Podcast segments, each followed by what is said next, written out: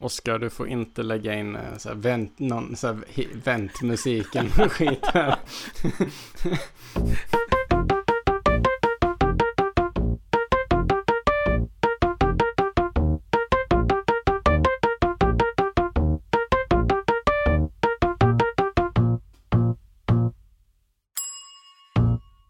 Hej och hjärtligt varmt välkomna till Fjällvandringspodden. Jag som pratar nu heter Anton Levin och med mig så har jag Lukas Wennerholm. Tillsammans är vi en podcast för dig som är intresserad av vandring, fjäll, vinterturer och kanske lite, lite klättring. Tillsammans så flyttar vi stort Kilens topp till svensk mark. Nu sitter vi här igen, denna Ja. gången hemma hos Lukas. Är, Första gången. Ja, det är ditt vardagsrum istället för mitt.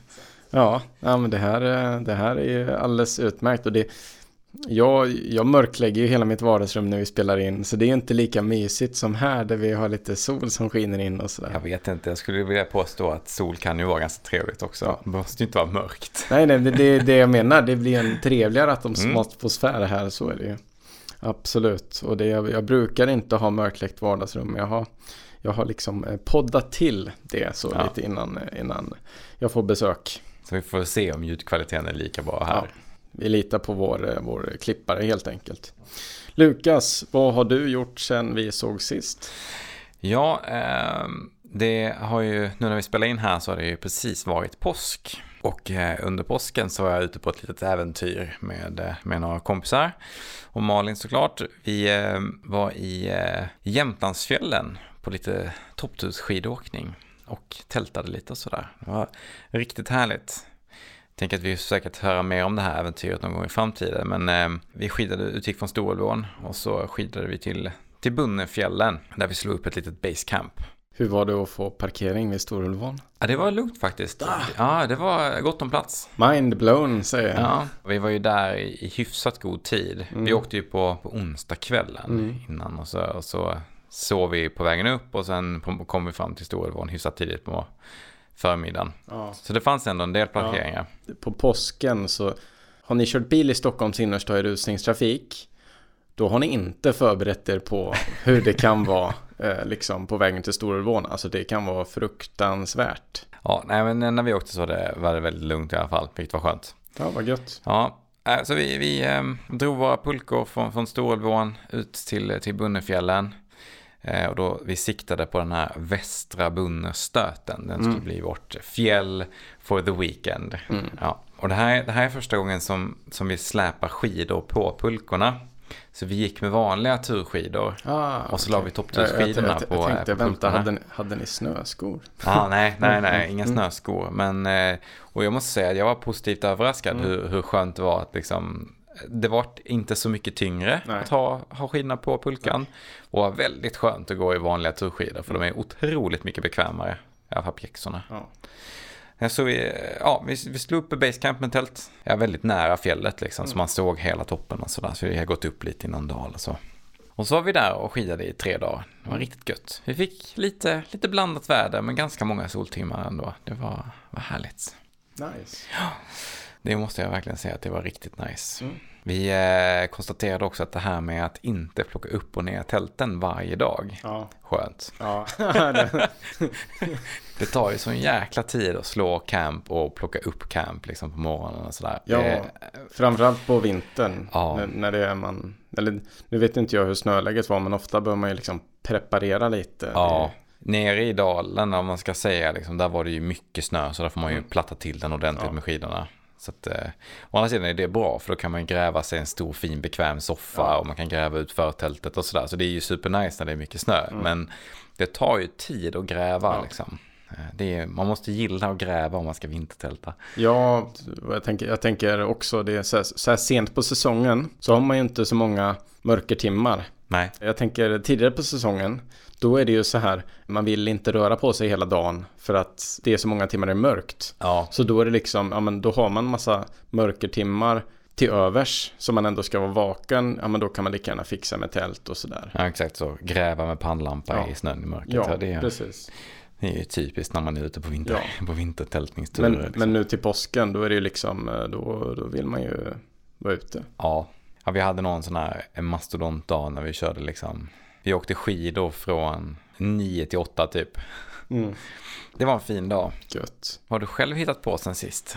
Ja, dels nu under påsken så var jag ute och klättrade lite här i Stockholmsregionen. I början på april, första helgen, så um, var jag en sväng upp till Åre och åkte ett lopp, mitt första skidlopp som hette, nu ska vi säga, Åreskutan Skimo. Och det var oh. första gången som det arrangerades. Och för den som har lyssnat på vårt så här vinterturer avsnitt så hade jag då såna här, eh, ja vad kallar vi dem, skitouring-skidor mm. eller randonnée-skidor. Jag brukar bara kort och gott kalla dem för topptursskidor. Ja, men... precis, topptursskidor kan man också säga. Eh, nej men sådana liksom man man kan åka med uppför och sen kan man åka slalom med dem nerför. Men skillnaden på det här loppet var också att jag hade lånat ett par eh, som var väldigt, väldigt smala. De var ungefär 65 mm breda. Väldigt tunn. Ja, precis. Så för de som liksom gillar att åka skidor när det är liksom nysnö och kanske har 120 mm i midjan på sina skidor så det, det är som en halv sån skida nästan.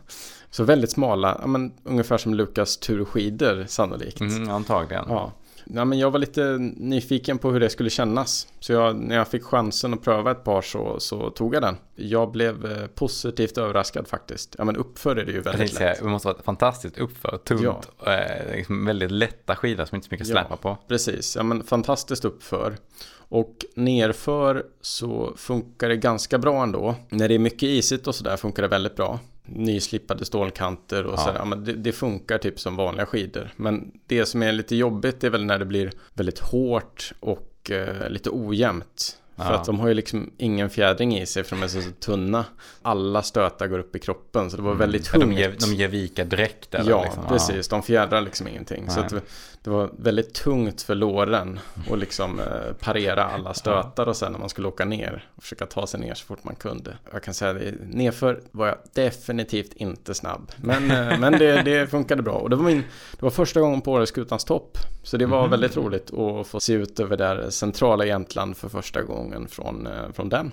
Ja, kul. Mm. Var, var åker man ner någonstans? Eller var gick det här loppet ner någonstans? Vi började i Huså Aha. Som då är, det är ju, vad blir det, tre mil norr om Åre. Det är på andra sidan berget helt enkelt. Okay. Och så skidade vi upp där via skidbacke och sen så hade vi pistad väg helt enkelt hela vägen till toppen. Ja. Och jag tror att de faktiskt brukar pista den på våren. När man kom vi till toppen och där så tog vi av våra stighudar, fick lite varmt te eller kaffe om man ville och sen så ner på framsidan via en, en backe som heter Storsvängen. Som okay. är då liksom en av de ordinarie backarna i Åreskutan. Men det var helt enkelt via pisterna ner och inte... inte... Ja, precis. Inte off-pist.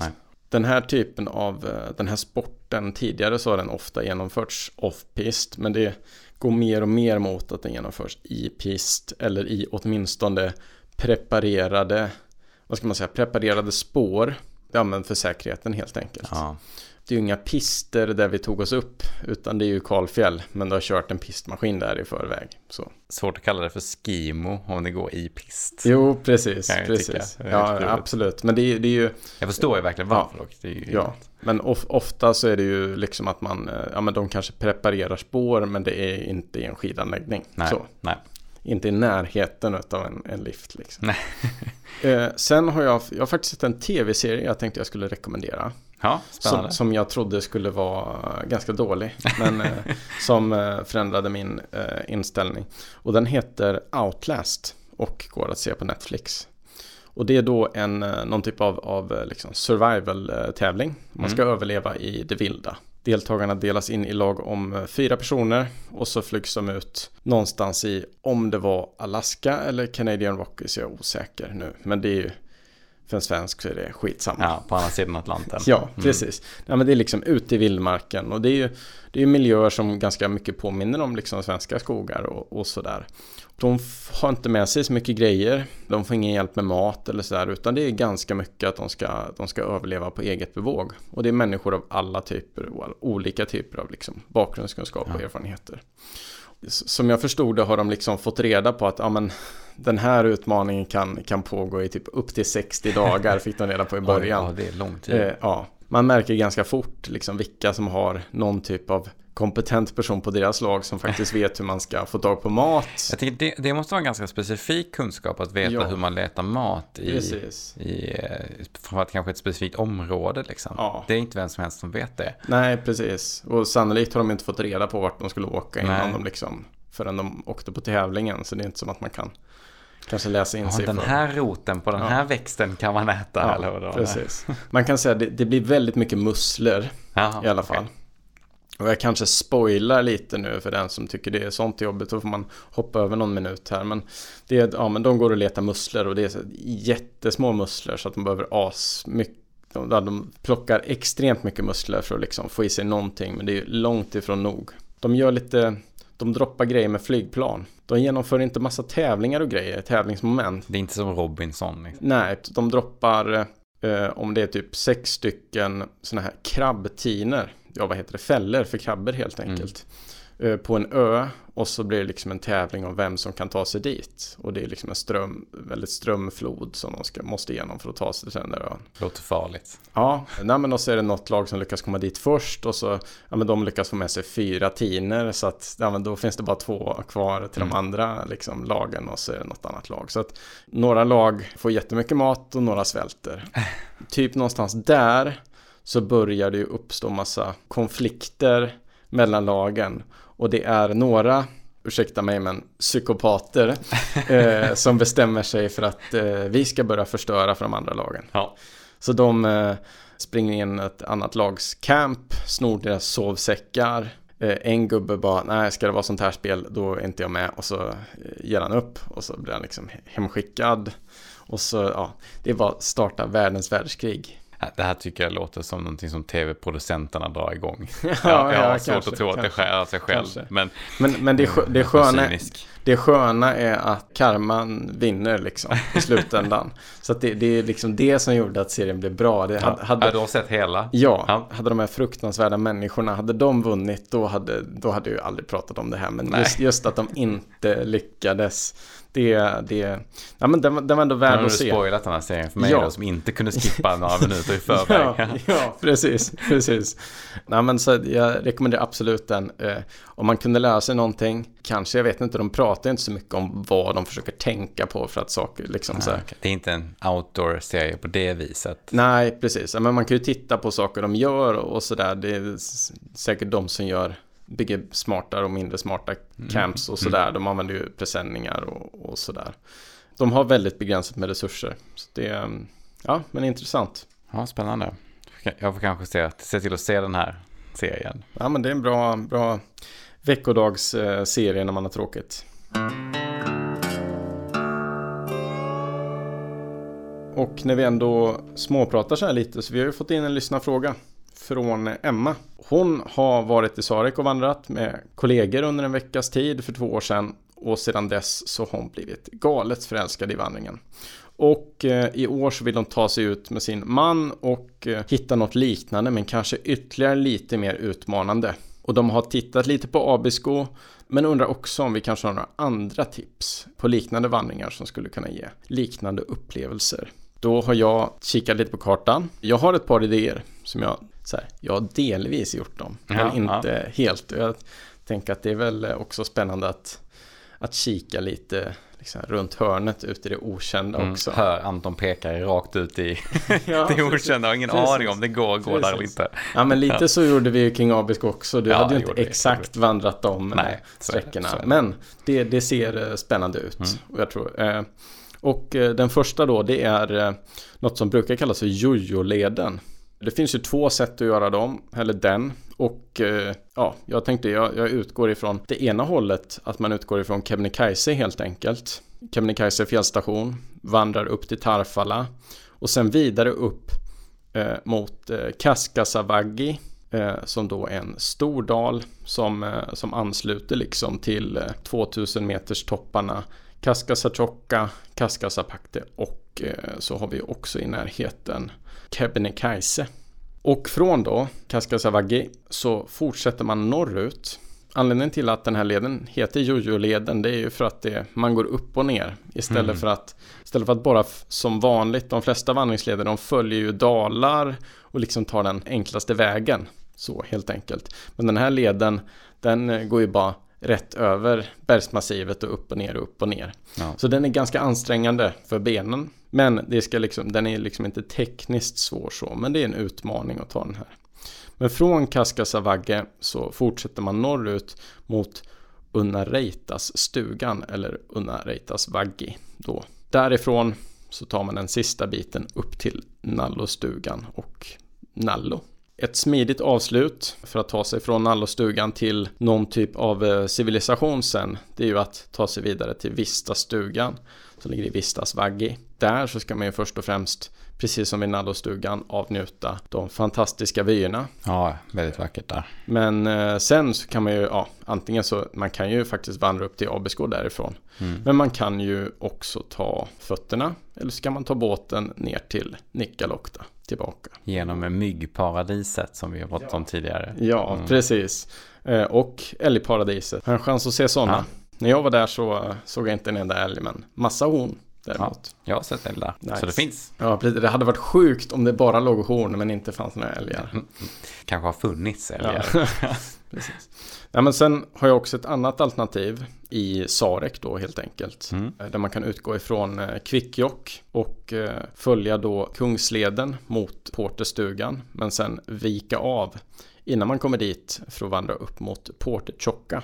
Här kan man ju då står man inför ett val. Dels så kan man ju gå upp till Axel Hambergs laboratorium som är då en stuga man kan, eh, eller en stuga, det är ett hus, ett gammalt laboratorium man kan eh, läsa om på internet enklast. Vi kanske mm. pratar om det här i något annat avsnitt, men eh, man kan gå upp och kika på, men man kan också besöka Port Chocka som är en 2000 meters topp.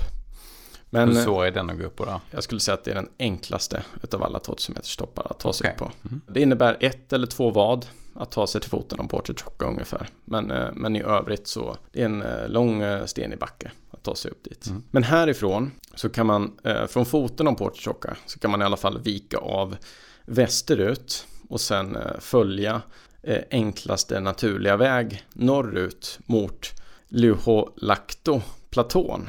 Det kanske finns någon som kan uttala det här namnet bättre än mig, men jag tror att det ska uttalas så i alla fall. Luholakto-platån. Som är då en, en stor fjällplatå som, eh, som omgärdas av liksom, ja, men många av Sveriges högsta bergstoppar. Och man, liksom, man står där mitt i Sarek och eh, de här vyerna ska liksom vara fantastiska. Eh, och jag har själv inte varit här, men jag har tittat ner på den här platån från Porte Chocca. Mm. Och jag kan tänka mig att det är en ganska storslagen plats och det är ganska många som vandrar dit för att tälta eller så. Och därifrån så, så är det hyfsat enkel vandring. Det finns inga riktiga leder här men det är hyfsat enkel vandring ner mot eh, Sarvesvagge som då är en dal i mitten av Sarek.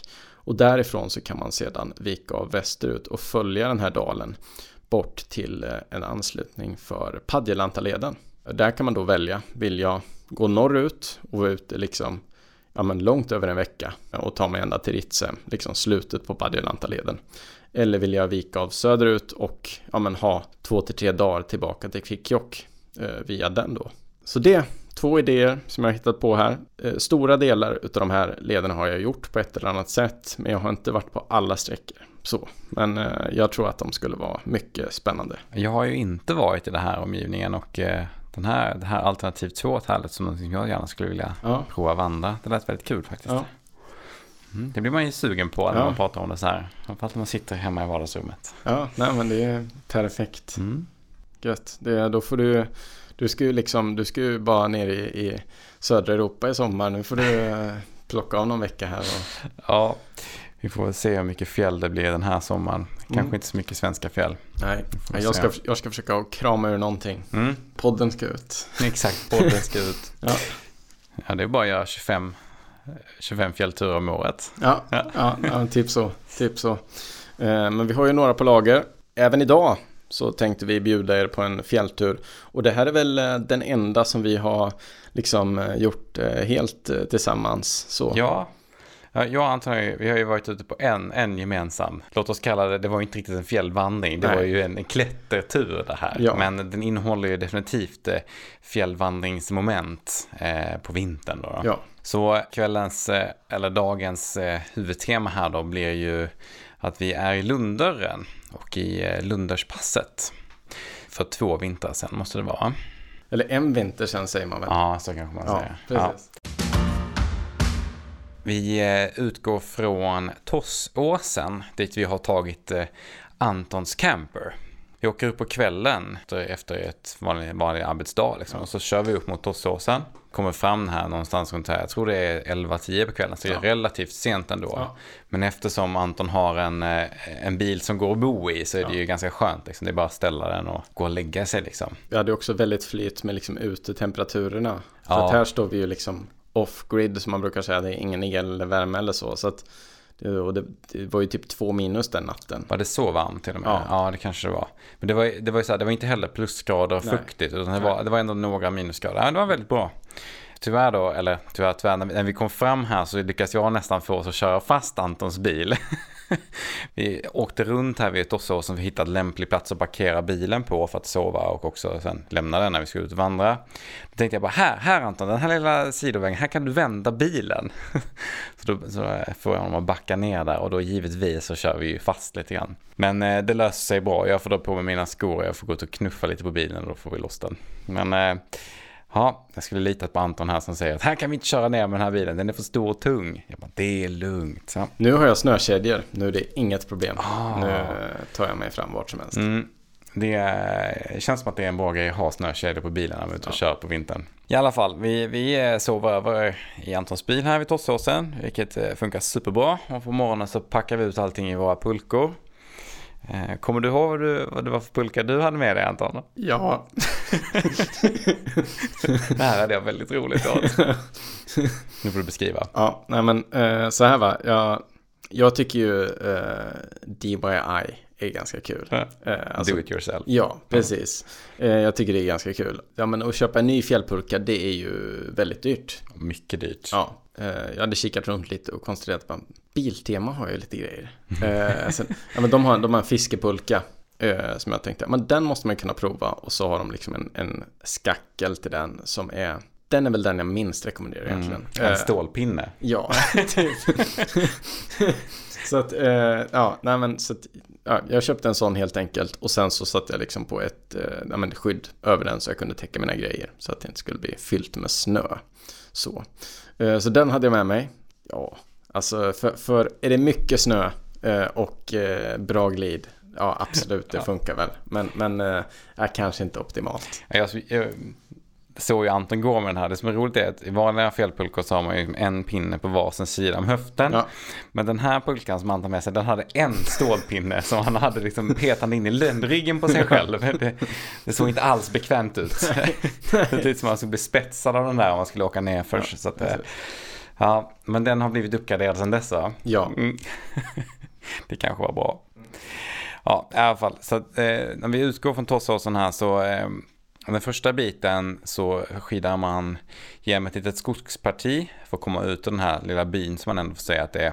Så man skidar eh, lite så här låglandsmiljö men det är ändå det är fint liksom. Det är Mm. mycket så här fjällbjörkar väldigt typiskt. Men det som är häftigt är att när man kommer ut ur den här lilla skogen så kommer man upp på en liten platå. Där man ser ut över hela Anarisfjällen och stora delar av Lundersfjällen.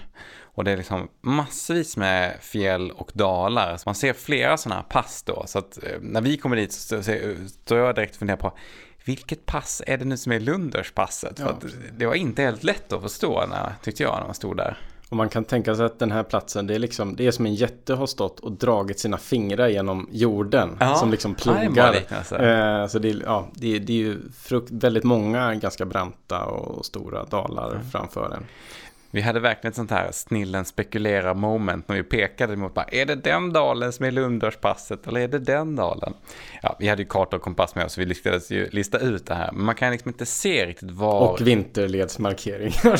Ja men de såg man ju inte, det var ju det som var grejen. Man nej, såg precis. ju inte var vinterledsmarkeringarna Nej, nej, gick liksom. precis. Eh, ja nej nej, det här, vi hade ju inte gått vilse. Nej, Men vi, vi eh, lyckas ju då lista ut även när vi stod här och tittade på vilket pass som faktiskt var vårt.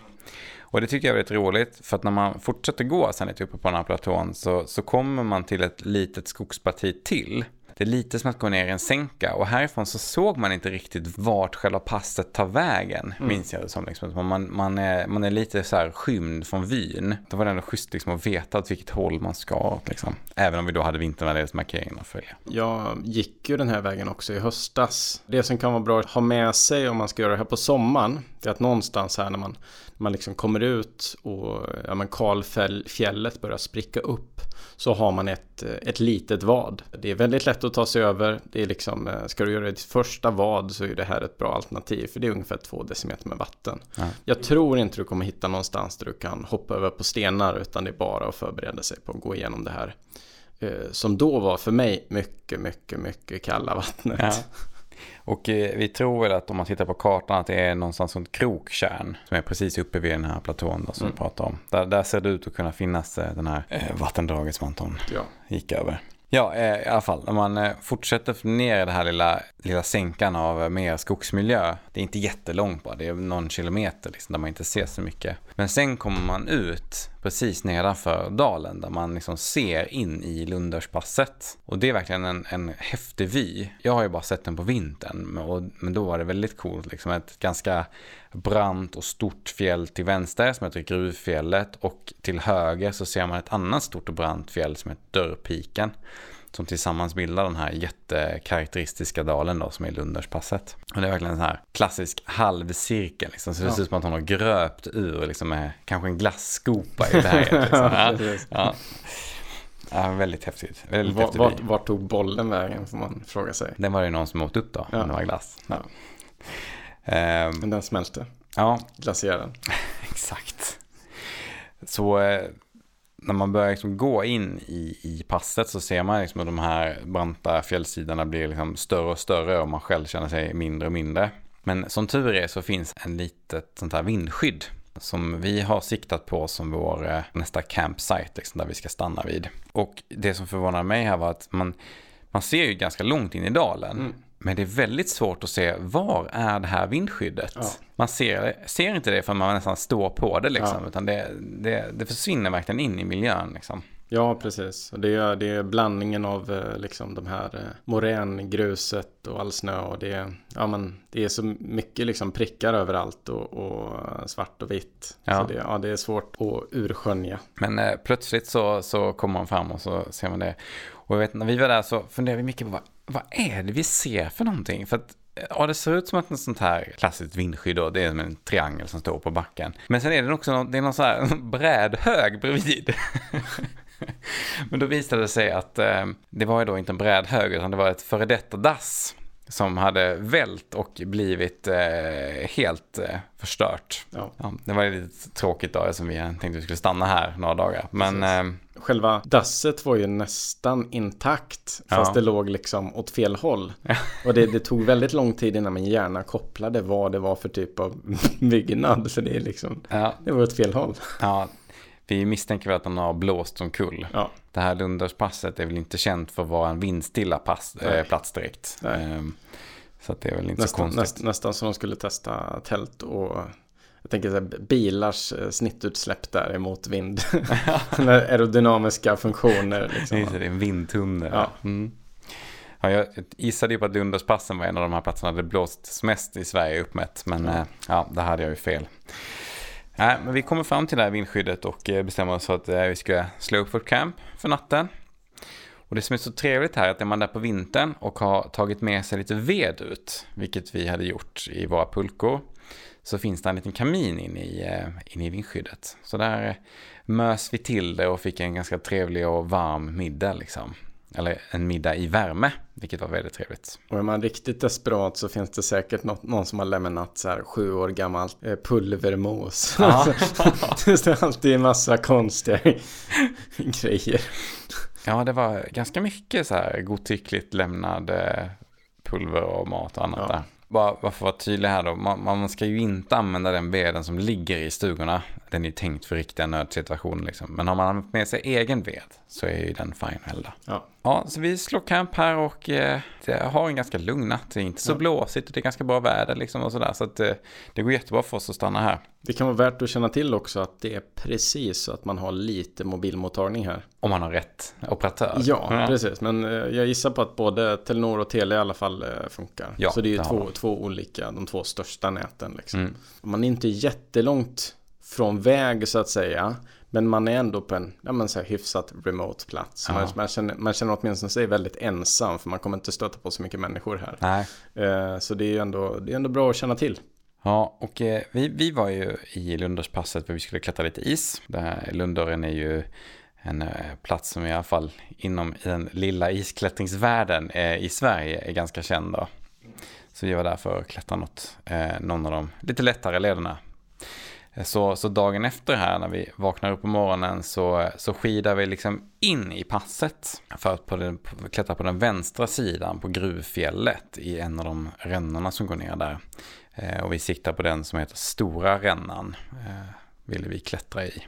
Du som har varit där på, på sommaren Anton, kan man, kan man identifiera vilk, vilken som är vilken här av den här? Ja, det, eller åtminstone den stora rännan är, ja. den är väldigt tydlig. Eh, den ligger ju ja, men ett par kilometer norr om eh, det här eh, vindskyddet då. Ja. Möjligtvis att det kanske inte gör det mitt på sommaren men det brukar rinna ganska mycket vatten i den. Mm. större delen av året och annars på vintern så är det ju snö i den. Ja. Och den är, den är inte superbrant men det är inte så att du kan vandra upp för den.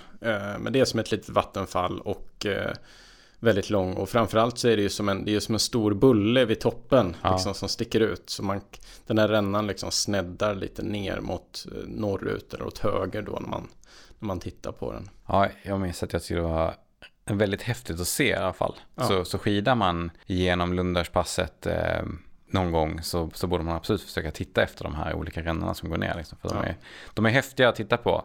Det finns ju flera stycken, det kommer ju flera rännor efter den här stora rännan. Och många av de här har ju också skidats. Ja. Eh, och jag som inte är en supererfaren skidare alls tycker det här verkar helt eh, ja. otroligt. att det är ska, möjligt. Sen ska sägas att de vertik helt vertikala partierna där det är is, där har, man, där har de firat ner. Ja. Ja, så ja. de har de fuskat. ja, nej jag kan inte förstå hur man kan skida ner här ändå. Nej, nej. Men äh, ja, det, det, Man ska ju lyckas få stopp på sig själv i ja. tid också. Ja. Häftigt, imponerande mm. av de som har gjort det. Jag och Anton har ju, vi slår ju basecamp här liksom och flyttar oss inte så långt utanför Lunderspasset. Vi skidar bara lite längre in och provar någon av de andra, går upp någon av de andra dalarna för att forska lite mer av de andra isarna. Så tänker jag att Anton här ska få ta vid och beskriva vart, vart resan tar vägen någonstans sen. Var kan man gå? Söndagspasset. Ja, precis. Och det, till att börja med, jag har ju jag har ju dels vandrat in här tillsammans med Lukas söderifrån men jag har också tagit mig in i Lundarspasset norrifrån via Vålådalen. Och dit kan man ju ta bilen till exempel och eh, parkera i Vålådalen. Därifrån så har man ungefär två mil till Lundörstugan som är en STF-driven stuga då. Och den här den är öppen året runt. Men eh, den är ju bara bemannad ja, under sommarperioden och under eh, ja, men, ja, men de här liksom, månaden innan påsken och kanske en liten bit efter påsk också. Den stora vinterskidsäsongen. Ja, liksom. precis. Ja. Men, men man kan komma dit liksom i ja, men sent i december eller jag var där på nyårsafton faktiskt. Var den öppen då? Ja. Eller var den bemannad då? Nej, Nej. inte bemannad. Eh, vi började helt enkelt från Vålådalen det, det som var lite tråkigt här va, det var att vi var först ut på nysnöad, eh, nysnöad led. Så vi hade liksom eh, tre decimeter ny snö. Vi var tre personer och en pulka, vilket mm. eh, ja, inte är rekommenderat kanske. Det blir väldigt tungt för den som drar pulkan. Eh, så vi turades om lite att dra pulkorna, men det var, det, var, det var väldigt, väldigt tungt. Och den här leden, den går ju inte riktigt i på kalfjäll. Vålådalen är ju en dal. Eh, där, det, där du har liksom storväxt, eh, liksom, eh, ja men tall och granskog. Det blir ganska mycket upp och ner. På kalfjället har du ju ofta långa, liksom platta partier, sen kanske kommer en lång, lång, lång uppförsbacke, sen är det ett långt platt parti. Medan här så är det ju liksom upp och ner ständigt. Mm. Och det tycker jag med skidpulka är nästan värst. Eh, de här korta backarna som kommer hela tiden. Ja, den är ju ibland lite svår att dra. Liksom. Ja. Den går ju hur fint som helst när det är lite platt. Men när ja. det går uppåt så ja. märker man snabbt att det inte fäster någonting i skidorna. Precis, och speciellt när man har då överlastat den för tre personer. Ja. Nej men så att eh, vi kämpade på med den här skogsskidvandringen. Ja men någonstans där liksom framåt 18-19, det blev en ganska lång dag. Så uh, tog vi oss fram då till Lundörsstugan. Ja men där, det är så här, man betalar ett, man, betal, man swishar in för att man bor där helt enkelt när den är obemannad. Och så finns det ved och de har liksom, ja men SDF har vaktmästare som kommer dit löpande och kollar över läget mm. liksom. Brukar finnas lite stearinljus, lite ved och så. Men i övrigt så får man ordna resten själv. Så vi hade en, eh, vi hade en riktigt fin nyårsafton där och sen var tanken att nästa dagen eh, skida ner till Lundörspasset och kika på det. Från eh, Lundörstugan så tar det ganska fort. Det är, det är ganska platt och det är väl också ja, men här någonstans efter Lundörstugan som man börjar kunna se lite. Så man mm. liksom kommer ut på kalfjället igen, då är liksom skogen slut. Man kan börja se liksom de norra delarna av Lundörsfjällen breda ut sig. Man tar sig ner för en väldigt lång eh, nedförsbacke och tänker att eh, här ska jag tillbaka igen. Det är inte kul. Men den här gången så hade vi inte pulka med oss i alla fall, utan vi, vi reste lite lättare. Så vi tog oss ner för den här långa nedförsbacken och eh, efter den så kommer man ut på en stor eh, platå. Här breder ju liksom Lunddörren ut sig. Den börjar lite försiktigt och så blir den liksom bara högre och högre och högre och högre. Mm. Och eh, det coola här är också att om man tittar rakt fram så ser man ju de här ledkryssen som liksom går hela vägen bort i horisonten och den här dalen som blir smalare, smalare och smalare och smalare. Det är liksom som vet, Route 66 eh, fast i, i fjällen eh, med den här eh, liksom vinterleden. Jag tror det är inte så vanligt att man kan liksom se bilder från den här platsen där man liksom ser de här ledkryssen försvinna eh, i horisonten. Så det var, det var väldigt eh, mäktigt. Och vi lyckas eh, ta oss över någon, någon å där som liksom det var, det var en snöbrygga som inte såg helt eh, så säker ut att ta sig över. Var det tidigt på säsongen? Alltså ja. de har inte hunnit frysa till riktigt Ja, ordentligt. precis. Ja. Men eh, ja, vi lyckas ta oss över. Och det, det, var inte så mycket vatten så det är mest att man hade blivit blöt. Ja. Men det var inte farligt att gå över de här snöbryggorna. Sen är det ju väldigt tråkigt att trampa ner i blött på ja. vintern. Man ja. var kalla fötterna ja. sen länge. Verkligen. Ja, vi tar oss över den där snöbryggan och fortsätter liksom eh, in mot Lunddörren. Jag kommer ihåg, det är ett ensamt träd i princip som står i den här dalen. Det är lite, känns lite som det här trädet i Lejonkungen. Eh, ja, så som står ensamt på savannen där. Ja, men vi, vi eh, tar oss i princip fram till då mittpasset där eh, Lukas möter upp oss i, i, sin historia så att säga. Precis. Eller där, där ja. Lukas avslutar. Och man kan säga så här att eh, Lunddörren har väl liksom tre distinkta pass som går på tvärs med, med liksom Lunddörrspasset. Dels så finns det ju ett som man kan kalla Sydpasset som ligger precis vid eh, där rastskyddet ligger.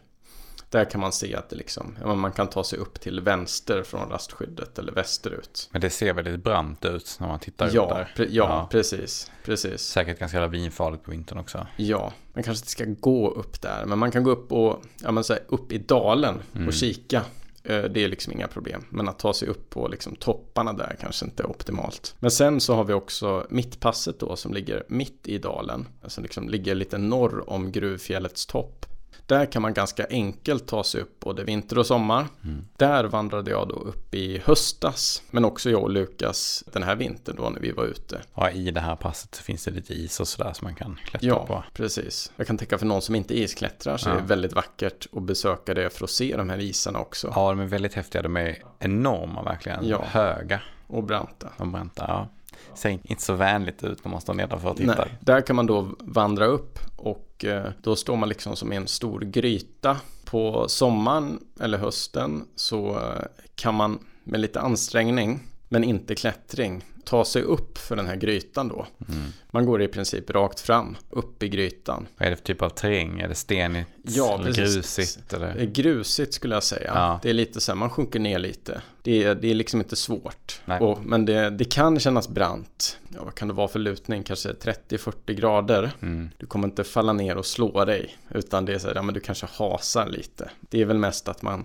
man kommer ganska högt upp så att det kan kännas läskigt. Det är ganska okomplicerat att ta sig upp här.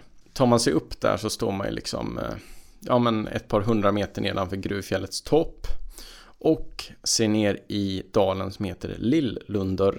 Det är, det är en mindre version av Lunddörren. Mm. Det är grannpasset till Lunddörren helt enkelt. Och härifrån var min tanke att jag skulle vandra lite norrut för att sen ta mig till Storådörren. Och Storådörren är ju ett eh, kanske inte lika känt pass men för mig så var det liksom en liten dröm att få se Storådörren för att det är liksom en, ett ännu mer storslaget pass än Lunddörren för att bergsväggarna i Storådörren är betydligt brantare sluttar liksom nästan spikrakt ner. Så jag, jag, såg väldigt mycket fram emot att liksom se in i den här eh, väldigt, för mig mytomspunna dalen ja. som jag, jag har sett lite bilder på men inte varit i själv. Här går ju inga leder här, varken Nej. sommar eller vinterleder Nej, markerat precis. in i stordörren.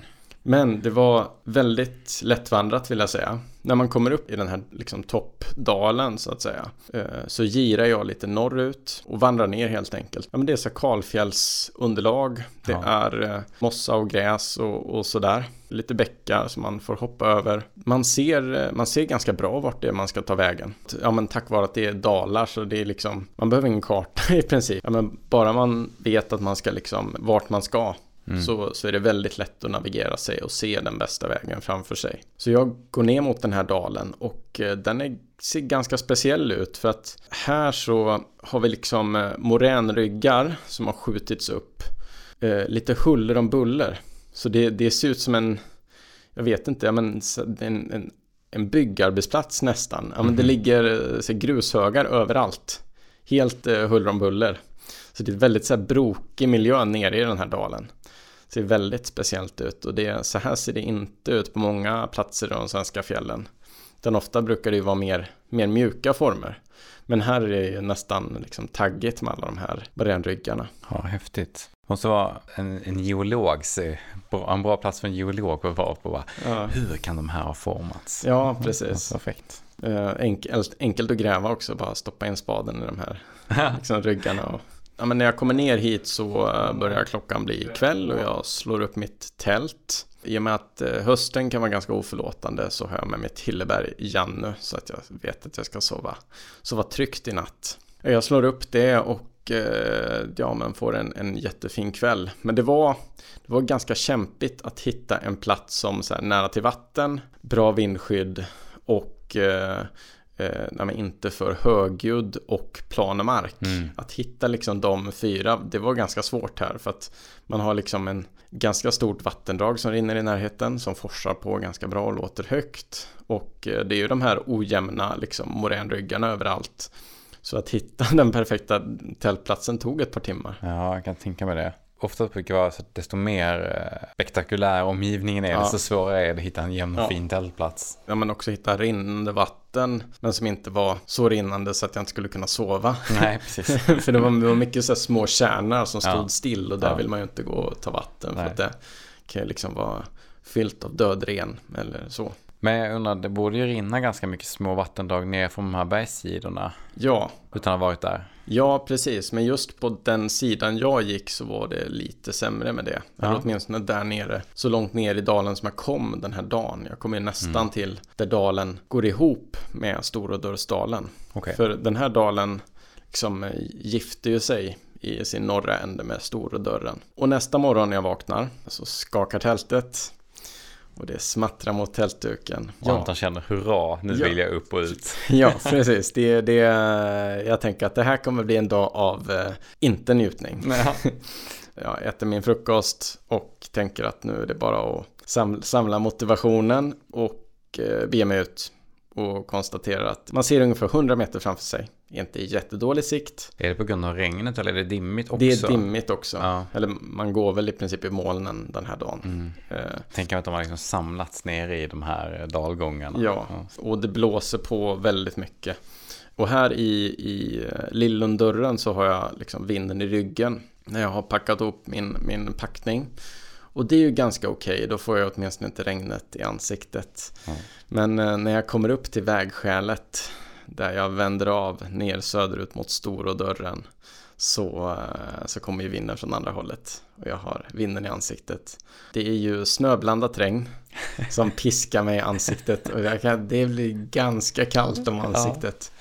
Och så, så, det är liksom, eh, jag tar min buff, drar upp den och så drar jag igen jackan så hårt jag kan liksom så att den går upp över kinderna.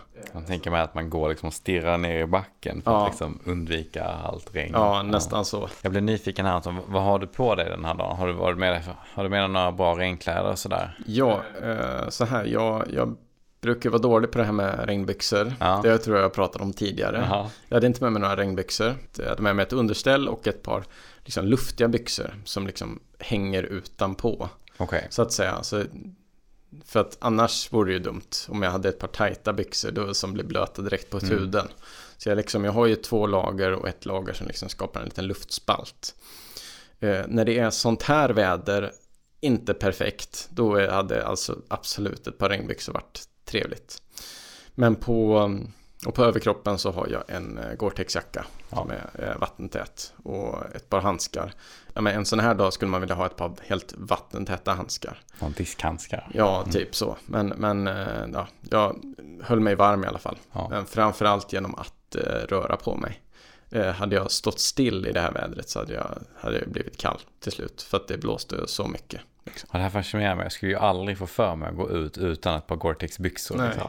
Jag, jag har alltid med mig ett par regnbyxor. Sen på vintern kanske man har lite grövre grejer och på sommaren lite lättare grejer. Men jag har alltid med mig ett par regnbyxor. Ja, men någon gång kanske jag ändrar mig. Vi får se. Ja. Eh, Om, om man inte ändrar sig efter en sån tur när man blir, jag antar att det var blöt inte genom eh, understället ändå. Ja, liksom. ja, absolut. Ja. Men det viktiga är att man inte blir kall. Mm. Eh, men, men eh, jag vandrar ju in och till slut eh, kommer jag ju till stora dörren och får se molnen. Så jag ser ju ingenting av det. Det jag liksom ser fram emot. Mer än att ja, det här är en platt dal och eh, ja, en, liksom en, en eh, stor besvikelse. Ja, Utan, du kan du inte ens ana liksom var bergssidorna går upp? Eh, Jo, alltså jag kan, jag kan ju liksom se att det börjar brant, bli lite brant. Mm. Men det, är ju, det blir ju som att, att titta på liksom, eh, ja men det här är nog, eh, det här är nog högt om man hade sett det. Men Ja. det, det är inte så coolt. man ser ju liksom att det, det börjar bli brant och sen så tar det bara slut. Så det är ganska otillfredsställande. Så hade det varit samma väder men jag hade fått se det, då hade det ju varit roligare. har du kämpat dig igenom ett, en hel dag av eh, vandring i Ja. regn och så bara, Ja. nej, ingen utsikt. Och jag hade, ju, jag hade ju först tanken att eh, det skulle kunna bli en till tältnatt. Mm. Men eh, den här dagen så eh, jag var inte så sugen. Bara, nej men nu tältar vi och njuter av det här vädret Mm. lite i tältet. Eh, nej men så då, då bestämmer jag mig faktiskt att ta mig tillbaka hela vägen. Eh, så det gör väl att den här dagen blir lite över två mil ungefär. Ganska lång dag. Jag börjar snedda upp över eh, då Noder Storådörrsfjället. Mm. Eh, för att liksom, ja, men, kunna snedda över det fjället och ta mig tillbaks mot Lunddörren och eh, eller framförallt leden som går från då Tossåsen till Lunddörren. Det känns, ja, men med det här vädret så känns det ju som att ja, jag kommer aldrig komma fram. Det här är liksom ett Ja. evighetsarbete. Det är bara en fot framför den andra. Och det är ju, ja men det är ganska mentalt tufft. Och så, så tittar man på kartan så här. Det där landmärket borde ju se snart. Och så kommer det aldrig. Eh, Till slut så kommer jag faktiskt ut på en plats där eh, ja, men de här molnen spricker upp. Ja, Och det är i princip, det är i princip liksom så fort man börjar komma ut ur dalen lite så spricker molnen upp. Och det går över till eh, lite snällare vindar och eh, det går över i lite lätt dugg. Och då är liksom, ja men då är livet bra igen. Mm. Eh, och därifrån så, ja men så här, va- vandrar lite på myrar och, och sådär. Och, ja men trampa lite, trampa på li- lite våtmark. Men det stör en inte så mycket. För Nej, att man, tänkte du är ju redan blöt om fötterna Ja. här så det spelar ingen roll. Ja, man har, man har lidit hela dagen och, då, och gå igenom några blöta myrar, det är liksom det är till och med mysigt. det är liksom, man bara går och njuter. Och när man väl kommer ut på stigen så ja, det är ju det är bara motorväg. Så det är Mm. ja, men, riktigt eh, skönt. Men eh, ja, jag kommer säkert återvända hit för att, att få chansen att se eh, den här stora dörren igen. För om man, eh, jag kan rekommendera att ta en kik på kartan där så kan ni få se att eh, ja, men, när man tittar på den här flygkartan på liksom, Lantmäteriets karta så, så kan man ju se att eh, ja, men det ser ganska häftigt ut ovanifrån i alla fall. Och även om man, om man söker på stora dörren på bilder så kan man se att eh, ja men det ser väldigt brant ut. Väldigt coolt. När jag gav mig ut på den här vandringen förra hösten så var en av mina, mina mål att hitta en gruva. Ett gruvhål, mm, eller mm. ett delmål. Gruvfjället har ju fått sitt namn på grund av att man eh, har hittat en gruvfyndighet här en gång. Och det är ju det som blir eh, då veckans anekdot. På gruvfjället då på eh, den västra sidan av Lundåspasset så ska det finnas två stycken gruvschakt. Och eh, de ska då gå rakt in i berget. Men man undrar ju lite hur, hur, hur mycket gruvaktiviteter har pågått här. Eh, för att det ena av de här eh, gruvhålen är så djupt som 27 meter. Låter inte så jättemycket. Nej. Eller så hade de, de hade skedar att gräva med. Ja, man undrar ju om de har, att det är ett påbörjat projekt som inte har avslutats. Men då står det så här. Eh, fyndigheterna upptäcktes av geologen C.V. Franzén under en resa mellan Undersåker och Storsjö redan 1837. Eh, och eh, fyndigheten innehöll koppar och nickel eh, i sån, sådan mängd att det ansågs intressant. Men problemet med den här fyndigheten är att den ligger ju högt upp på bergssidan. Så genom att fästa järndubbar i klipporna och sedan fästa stegar i dessa värsta och brantaste partierna löstes problemen. Man har gjort åtskilliga försök att bryta malmen och det här gjorde man ända in på 1900-talet. Men ingen av dem har varit särskilt lönsamma. Och för att hitta då de här eh, gruvschakten så, så, ska man försöka följa den västra sidan av eh, gruvfjället tills man kommer till lämningar av husgrunder. Eh, och då ska man vända blicken upp mot berget och då ska man kunna se spår av ras med mera där man kan då gissa att de här gruvschakten har funnits. Eller kanske fortfarande finns, man vet ju inte om det går att gå in i dem. Jag har gjort lite googlingar på det här, för jag var ju själv ute efter att försöka hitta de här. Ja. Och jag kan säga att det är inte enkelt att se dem. Det är, inte, det är inte så att de är liksom superstora eller så. Nej. Men jag tror att ja, men, med lite envishet och om man framförallt är beredd att avsätta lite tid för att hitta dem så kommer man hitta dem. Mm. Och det ska vara så att ett av passen är ganska lätt att ta sig upp till. Eh, liksom att ja, men det är inte liksom klättring så. Eh, det andra passet kräver, eh, kräver klättring och inte ja. så att man kan eh, ta sig upp dit. Tänk man anta att det är det där en gång har suttit då, järn Ja. Olika typer av järn och stegar i, i berget liksom. Ja, precis. Och jag hittade ju inte de här, eh, de här schakten när jag var där. Nej. Eh, jag hittade andra saker men absolut inte, inte de här. Och jag la kanske två timmar på att leta. Ja. Och eh, jag letade inte riktigt på rätt ställe tror jag heller. Ja, får åka dit igen. Ja, och kollar man på kartan så är de ju inte utmarkerade på något Nej. vis. De hade kunnat ha en sån här fornlämningsmärkning eller något skulle man kunna tänka sig. Men eh, det ser inte ut på, på Lantmäteriets kartor som att de är utmarkerade. Nej. Så det kan nog vara spännande. Men eh, jag vet inte, man kanske kan googla sig till, se om det är någon annan som har hittat dit och få ja. lite mer rekommendationer. Ja. Det tror jag säkert. Sen tror jag kanske också att det är nog ingen supergod idé att gå in i de här gruvschakten. Det kan säkert vara ganska riskabelt att göra det. Ja, mycket väl. Mycket väl. Tänker stenrasrisker och annat. Ja. Ja. Åtminstone inte, gå, gå, inte in och skrik. Nej. Dem. Men det har varit fett att se ju. Ja. Det är också en väldigt remote plats att driva, ja. driva på. Man förstår ja. att det var svårt. Men man har ju försökt i, man har ju försökt också i Kebnekaise-dalen. Där har man också gjort eh, gruvfyndigheter. Om det var Singi Chocka kanske som man eh, gjorde en gruvfyndighet på någonstans 1900-talet eller 1800-talet.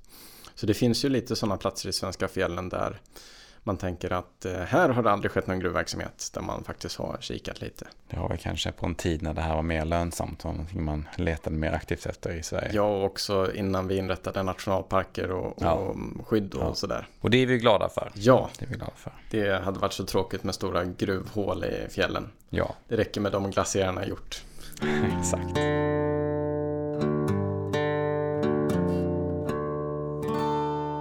Och med det så börjar veckans avsnitt rulla mot sitt slut. Har ni specifika ämnen ni vill ta upp i framtida avsnitt eller ställa frågor till oss, hör av dig till oss på Instagram, fjällvandringspodden. Och glöm inte heller att prenumerera på den här podden i era flöden.